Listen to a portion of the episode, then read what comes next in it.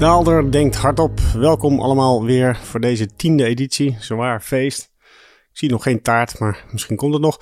De tiende editie van deze podcast, waarin ik Lucas Daalder, stratege bij BlackRock, eh, hardop denk over wat er gebeurt in de wereld en financiële markten in het bijzonder. Ik neem aan dat het concept inmiddels bekend is. Je kunt je vragen stellen bij vraag.daalder.blackrock.com. Je kunt je abonneren op de diverse podcast streams waar deze podcast te vinden is. Doe dat vooral. Uh, en daarmee ben ik eigenlijk al aan het einde van de huishoudelijke mededelingen gekomen. Verder hebben we natuurlijk aan het einde van deze podcast nog de rubriek waar we het eigenlijk met z'n allen te weinig over hebben. Naamsuggesties zijn nog steeds van harte welkom. En daarmee zijn we eigenlijk al bij de eerste muzikale onderbreking aanbeland. Het eerste onderwerp wat ik deze dag wil aanstippen is een wellicht wat saai onderwerp. Het is alleen een onderwerp wat denk ik regelmatig langskomt in, in de pers, in kranten en in artikelen. En leidt nogal tot wat verwarring. Dus eh, zie het als een lesje. Misschien is het een eh, overdreven lesje, misschien is het een begrip wat je goed kent en denk je van ja, waar heb ik het aan? Neem niet weg dat ik het gevoel heb dat er best wel veel mensen rondlopen die het niet goed kennen. Plus bovendien uh, doe ik het ook expres aan het begin van deze uitzending niet om iedereen weg te jagen natuurlijk. Hou vooral vol tot het einde van de podcast zou ik zeggen. Maar ook omdat ik vermoed dat ik nog wel eens vaker naar dit uh, stukje uitleg ga verwijzen in toekomstige podcast. Waar heb ik het over? Ik heb het over het overloopeffect. Een statistisch fenomeen, met name terug te vinden in nou ja, macro-economische cijfers. De directe aanleiding waarom ik het nu naar voren breng is eigenlijk de publicatie van de BBP-cijfers van de Nederlandse economie. Het eerste kwartaal BBP werd bekendgemaakt. CBS wist te melden dat er eigenlijk nagenoeg geen groei was. Als je achter de komma en dan heel veel achter de komma ging kijken, zag je nog wel een hele lichte positieve groei. Het was een voorlopig cijfer, dat zou nog worden aangepast, wellicht omhoog, dus misschien valt het nog mee. Maar ten opzichte van het vierde kwartaal hebben we eigenlijk geen enkele groei laten zien in het eerste kwartaal. Dat staat dan vervolgens op zeer gespannen voet bij uh, ja, allemaal van die uitspraken van de Nederlandse economie groeit in 2022 nog met 2,7 procent.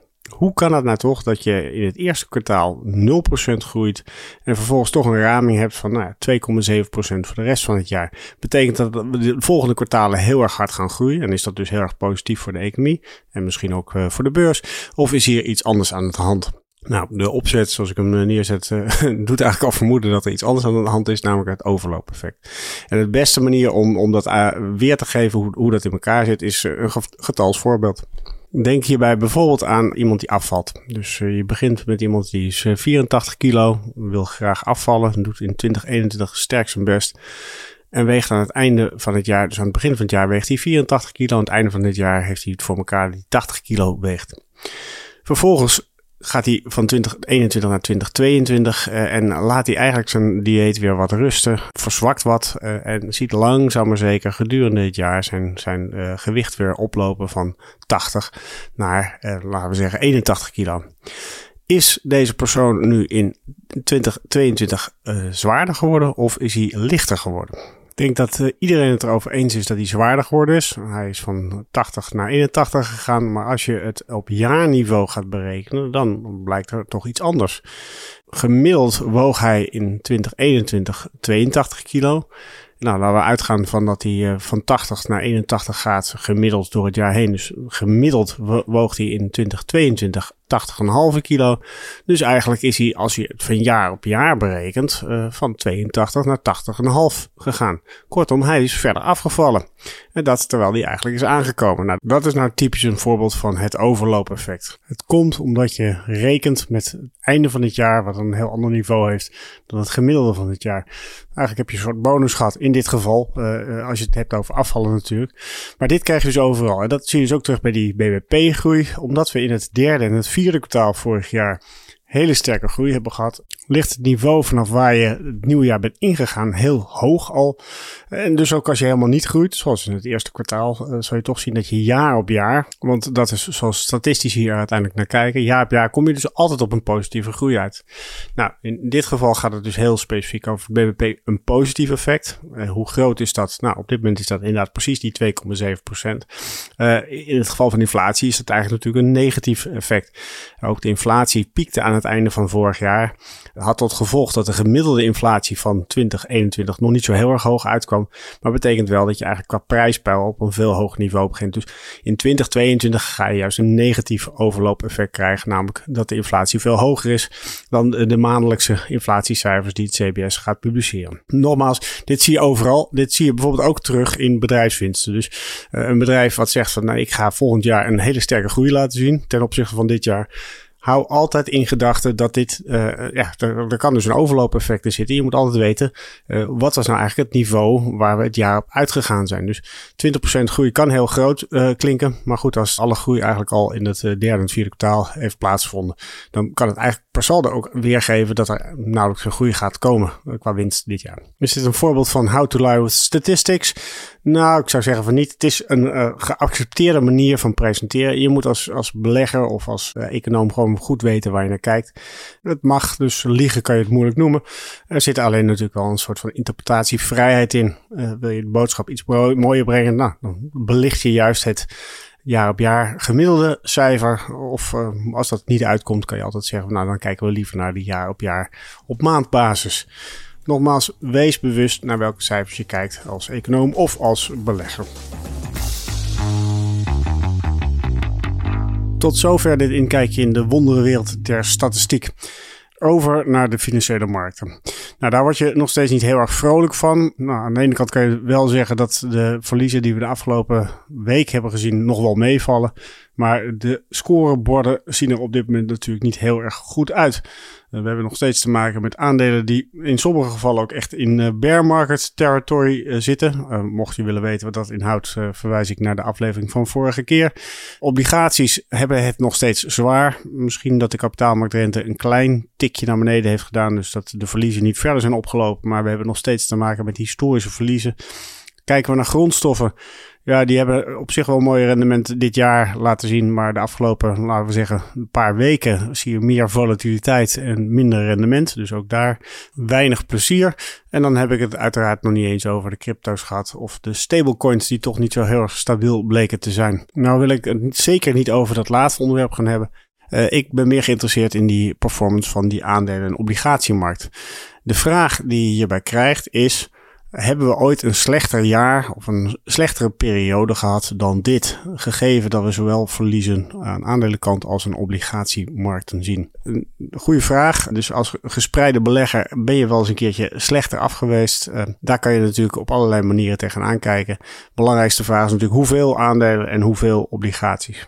Nou, dat zal voor iedereen verschillen. Ik heb mij hier even beperkt tot een traditionele 60-40 portefeuille.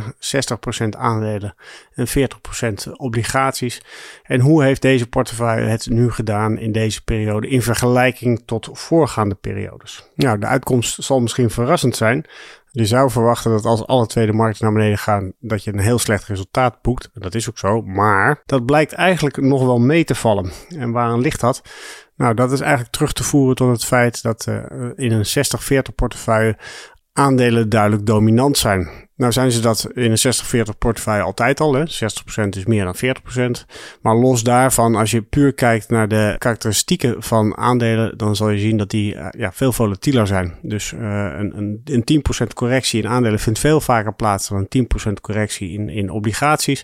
Met als gevolg dat ook als je een uh, 30-70 portefeuille zou hebben gehad, dat dan aandelen de performance van de volledige portefeuille nog steeds zou domineren. Dus anders gezegd, uh, op het moment dat je ziet dat aandelen een behoorlijke sell-off laten zien, bijvoorbeeld in uh, het jaar 2000 of bijvoorbeeld in uh, 2007, 2009, ja, dan overheerst dat aandelenrendement dusdanig dat het eigenlijk niet zo heel veel uitmaakt of die obligaties nu omhoog of naar beneden zijn gegaan. Dus als je puur kijkt naar een 60-40 portefeuille, dan zie je bijvoorbeeld dat de verliezen die we tot nu toe hebben gezien kleiner zijn dan de verliezen die we in uh, 2020 tijdelijk voor ons kiezen kregen.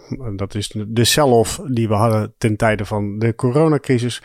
Nou, we weten inmiddels dat dat een hele korte, kortstondige uh, sell-off is geweest. En dat het herstel daarna snel plaatsvond. Uh, maar toch, als je puur kijkt naar de uitslag, dat was een pijnlijkere periode dan de huidige periode, gegeven die 60-40 portefeuille. Eigenlijk is dit een indirecte manier om te zeggen dat het met die sell-off in aandelen nog wel meevalt. In elk geval in historisch perspectief. En dat klopt ook. Uh, natuurlijk als je naar de Nasdaq kijkt, dan zie je behoorlijke verliezen. Maar de S&P 500 eh, staat nog steeds boven het niveau van de bear market. Dus de correctie is daar nog steeds minder dan 20% geweest. Dat is echt iets heel anders dan de correctie die je in 2000, 2008 hebt gezien. Toen had je het uiteindelijk over een correctie van rond de 40, 50% voor Amerikaanse aandelen. Ja, een van de vragen die ik de afgelopen week ook heb gekregen was de vraag: gegeven dat zowel de aandelenmarkt als de obligatiemarkt in de min is, welk van de twee markten gaat het eerst herstellen? If only I knew. Dan zou ik volgens mij niet meer deze podcast hebben, maar iets anders aan het doen zijn. Uh, misschien liggend op een uh, strand of iets van die geest. Wat ik wel weet, en wat ik eigenlijk indirect ook al heb aangegeven door te kijken naar die 60-40 portefeuille, is dat aandelen veel volatieler zijn. Dus dat het rendement wat je gaat krijgen door te beleggen in aandelen veel dominanter is dan als je kijkt naar obligaties. Obligaties is wat dat betreft altijd een meer defensieve keuze. Uh, waarvan je dus kan zeggen van nou, het is meer vanuit een risicohouding ingegeven dan dat je een rendementsverwachting hebt. De Duitse kapitaalmarktrente, de 10 jaar staats, eh, staat op dit moment uh, zo'n beetje rond de 1%. 1% rendement voor de komende 10 jaar. En dat met een inflatie die toch ja, angstvallig dicht in de buurt van de 10% is. Dat klinkt voor mij nog steeds niet echt als een heel erg interessant beleggingsrendement. Nogmaals, er zijn echt wel redenen om in obligaties te beleggen, maar ze zijn gewoon van andere orde, een andere vorm dan uh, in aandelen. De betere vergelijking zou dus ook eigenlijk zijn om niet naar aandelen versus staatsobligaties te kijken, maar naar uh, aandelen versus bijvoorbeeld bedrijfsobligaties. En dan het liefst bedrijfsobligaties met een lage kredietwaardigheid. Daar zit wel degelijk ook veel risico in en dus ook automatisch veel meer upside. Dus die vergelijking is wat dat betreft eerlijker. Nou, als je puur kijkt historisch naar het verloop van uh, de aandelenmarkten en het verloop van je rendement voor high yield, die laten een vrij vergelijkbaar verloop zien. En dat is niet heel vreemd, want wanneer doen aandelen het slecht? Op het moment dat er onzekerheid is over de toekomst, onzekerheid is over de economische groei. En dat is natuurlijk ook de periode dat er veel onzekerheid is over bijvoorbeeld de kredietwaardigheid van bedrijven. Met name de minder kredietwaardige bedrijven uh, staan natuurlijk als onzeker te boek. Dat kunnen op een goed moment failliet zijn. En dat betekent dus dat beleggers een hele duidelijke kredietrisico eisen. Met als gevolg dat de, de rentes die dit soort bedrijven betalen op hun obligaties heel sterk oplopen. Nou, dat is de negatieve uh, fase van uh, beleggingsrendement. je hebt natuurlijk dan vervolgens ook de positieve fase. We komen door het dieptepunt heen. de vooruitzichten beginnen weer wat te verbeteren. En dan blijkt al snel dat de kapitaalmarkt of de rente die uh, deze soort bedrijven betalen uh, hoog genoeg is voor de risico's. Sterker nog, ze betalen een te hoge rente. En vervolgens zie je dat die rentes en de kredietvergoedingen langzaam maar zeker onder druk komen te staan. En dat is dus de fase waarin ook de aandelenmarkt het goed doet. Nou, daar heb ik wel eens een keertje naar gekeken. Welk van de twee markten doet het nou beter? En met name, welk van de twee markten doet het nou eigenlijk beter in een fase waar we nu zitten? De onzekerheid of je die bodem in de aandelenmarkt hebt gehad of niet. Uh, onzeker uh, hoe het verder gaat met de economie. Nou, wat blijkt? Als je in 2009 uh, op het dieptepunt van de markt, en dat wist je natuurlijk niet dat het het dieptepunt van de markt was, maar als je toen in high yield was gestapt en dat zes maanden had uh, vastgehouden, had je per saldo, ondanks het sterke herstel wat toen in de aandelenmarkt plaatsvond, toch betere rendementen gehad in high yield. Uh, en hetzelfde zie je eigenlijk ook terug in het jaar 2000, de laatste keer daarvoor dat er een stevige correctie was. Nou, klinkt op zich positief. Het enige probleem is dus dat je een steekproef hebt van twee. Uh, en dat je op basis van een dergelijke steekproef niet keihard kan zeggen: Oh, je moet rond deze onzekere periodes dus altijd maar in high yield stappen. Bovendien, we hebben nog een derde steekproef gehad, die van 2020. En daar zag je eigenlijk dat die correctie zo snel naar beneden ging in aandelen en ook zo snel weer omhoog.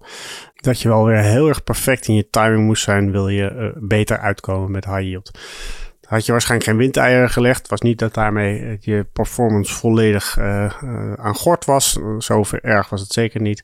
Maar aandelen waren in dat geval toch wel superieur. Wat denk ik veel belangrijker is in de huidige situatie, is dat als je puur kijkt naar de spread die je op dit moment krijgt op high yield, dat die eigenlijk nog absoluut niet op de niveaus ligt die je zag in bijvoorbeeld de periode 2006-2009.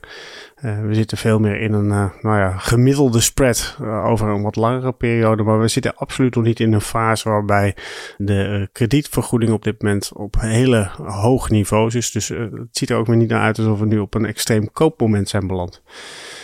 Misschien toch nog weer een extra teken dat het met de crisis in aandelen en aandelen gerelateerde beleggingen nog niet zo erg is als we soms wel denken. En dat is misschien een aardig bruggetje naar uh, de rubriek waar we het wat mij betreft niet genoeg over hebben. Uh, er wordt natuurlijk wel degelijk over gepraat, vermoed ik, maar minder dan ik uh, zelf verwacht had. En dat heeft alles te maken met, als je gewoon puur kijkt naar aandelen, wat, hoe slecht is dit jaar tot nu toe? Ja, dat antwoord is dus sterk afhankelijk van de valuta waar je het in bekijkt. Ben je een Amerikaanse belegger die uh, in dollars belegt en beleg je dat in een mandje MSCI All Countries Index, dan heb je dit jaar tot nu toe een verlies van 15,7% voor je kiezer gekregen. Dat is uh, de sluitingsdatum op, op dinsdag 24 mei. Dat klinkt natuurlijk als een negatief uh, resultaat, dat is het ook zeker. Uh, maar als je datzelfde vergelijkt voor Europese beleggers, uh, dus een MSCI All Countries Index, gemeten in euro's, dan is dat verlies eigenlijk slechts 10,1%. Nou, zou je mij niet horen zeggen dat een verlies van 10,1% niet significant is of niet pijnlijk zou zijn.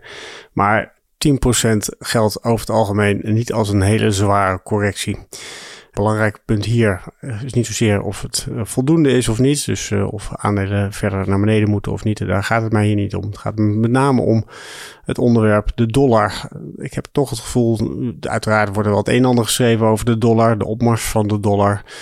Ik krijg zelf het gevoel dat dit een onderwerp is wat met name aan de beleggingskant te weinig aandacht heeft gekregen tot nu toe.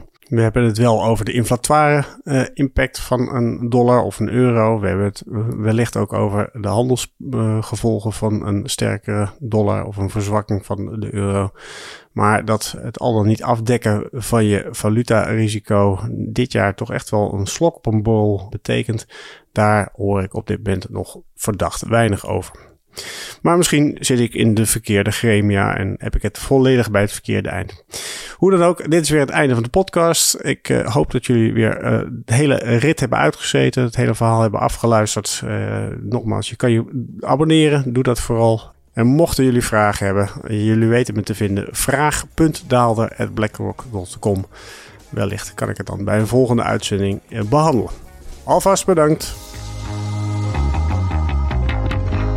Risicowaarschuwingen. Beleggingsrisico. De waarde van beleggingen en de opgebrachte inkomsten kunnen variëren. Het is niet zeker dat u uw oorspronkelijke inleg terug ontvangt. Dit is een marketinguiting. In het verleden behaalde resultaten geven geen betrouwbare indicatie van het huidige of toekomstige rendement en dienen niet als enige criterium te worden genomen bij de selectie van een product of strategie. Veranderingen in de wisselkoersen van valuta's kunnen ertoe leiden dat de waarde van beleggingen stijgt of daalt. Deze schommelingen kunnen bijzonder sterk zijn bij een fonds dat blootstaat aan een hogere volatiliteit en de waarde van een belegging kan plotseling en zeer sterk dalen. De fiscale regelgeving waaraan beleggingen onderworpen zijn en de hoogte van de belasting kunnen in de loop der tijd wijzigen. BlackRock kan op elk moment besluiten een fonds niet langer aan te bieden. Belangrijke informatie.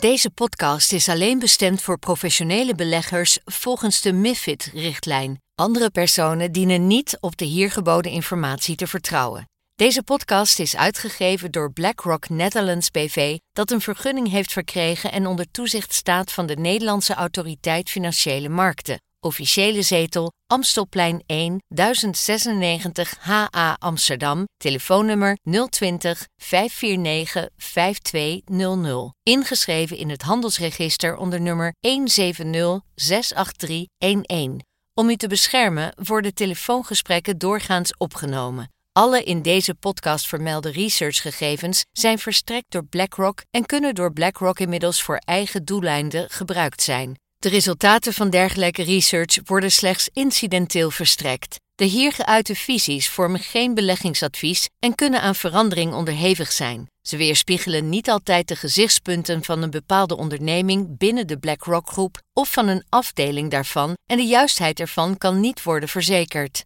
Deze podcast is uitsluitend bestemd ter informatie. Het vormt geen aanbod of uitnodiging om te beleggen in een van de fondsen van BlackRock en is niet opgesteld in verband met een dergelijk aanbod.